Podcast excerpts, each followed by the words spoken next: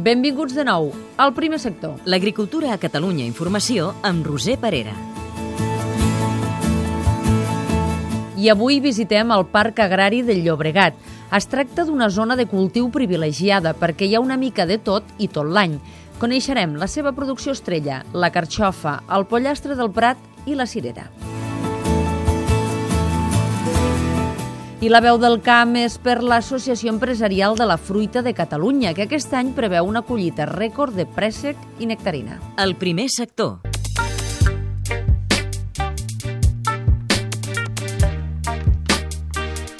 Dues mil hectàrees amb 120 explotacions. Estem parlant del Parc Agrari del Baix Llobregat, una de les zones agrícoles més antigues i fèrtils del país. És el rebost de l'àrea metropolitana de Barcelona, però no només això. Durant la seva història també ha exportat productes com ara carxofes i enciams arreu d'Europa. El David Àngel ens explica el passat, el present i el futur del Parc Agrari del Baix Llobregat. El muntatge musical és del Jordi Galbany.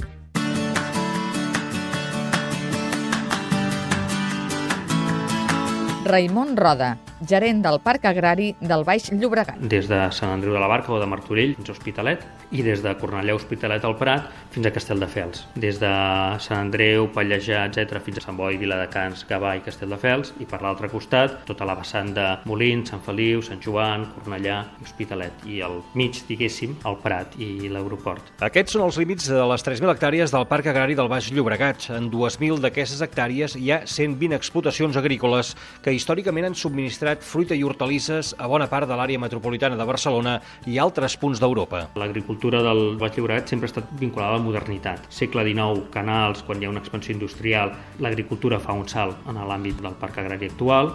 En el moment dels anys 20, al Prat hi havia un hangar especial per exportar carxofes i enciams a Europa, hi havia empreses exportadores que tenien la seu a Toulouse i que distribuïen a França, i això es reprodueix fins als anys quasi 65, on pràcticament sortien uns 40 vagons i camions diaris amb producte del Prat. Els símbols de l'horta del Baix Llobregat. Els primers tres que sonen segurament és el tema de la carxofa, que a més s'està intentant ara tenir una indicació geogràfica protegida, per tant un segell de la Unió Europea, el pollastre al Prat, que és una producció que ja té una IGP, i després la cirera. Una zona privilegiada pel cultiu. Donat el tipus de sol que tenim, l'aigua que veu de regadiu o de l'aqüífer, la climatologia, etc, es poden acabar fent unes tres collites l'any. Per tant, això permet rotació i, per tant, permet que hi hagi una mica de tot durant tot l'any. L'impacte de l'agricultura ecològica. Molts projectes de nova gent que s'incorporen al món agrari passa sovint per voler-se incorporar a través de la producció ecològica. A més, des del Parc Agrari s'ha impulsat el web alcamacasa.com per posar en contacte una setantena de productors amb els consumidors sense intermediaris. La intenció de la web no era tant promoure la comercialització, no és una plataforma de comercialització,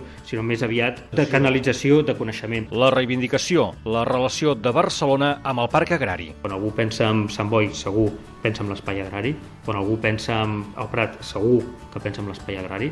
Però quan algú pensa en Barcelona, Barcelona amb, amb gran, eh? no, no la ciutat de Barcelona, sinó l'àrea metropolitana, hauria de pensar en espai agrari. Segurament s'hauria de projectar amb la idea que té 2.000 hectàrees agrícoles en producció d'agricultura professional que abasteixen la ciutat.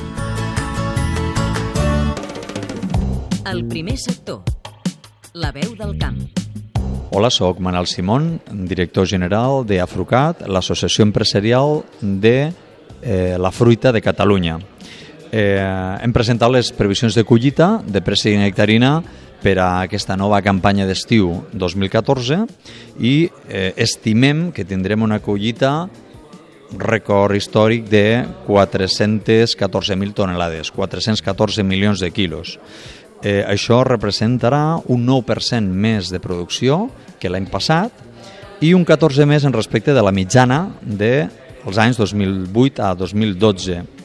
Els motius d'aquest increment de, de producció doncs, diguem que serien tres o quatre factors més importants. Un seria el pla de reconversió varietal dels últims anys, i per una altra banda, doncs, la bona acceptació al mercat que estan tenint les fruites préstecs i nectarines produïts en el nostre territori, que es caracteritza per una edafoclimatologia que aporta un valor en termes de qualitat superior a d'altres zones d'Espanya. El primer sector. Un programa realitzat des dels centres territorials de Catalunya Informació.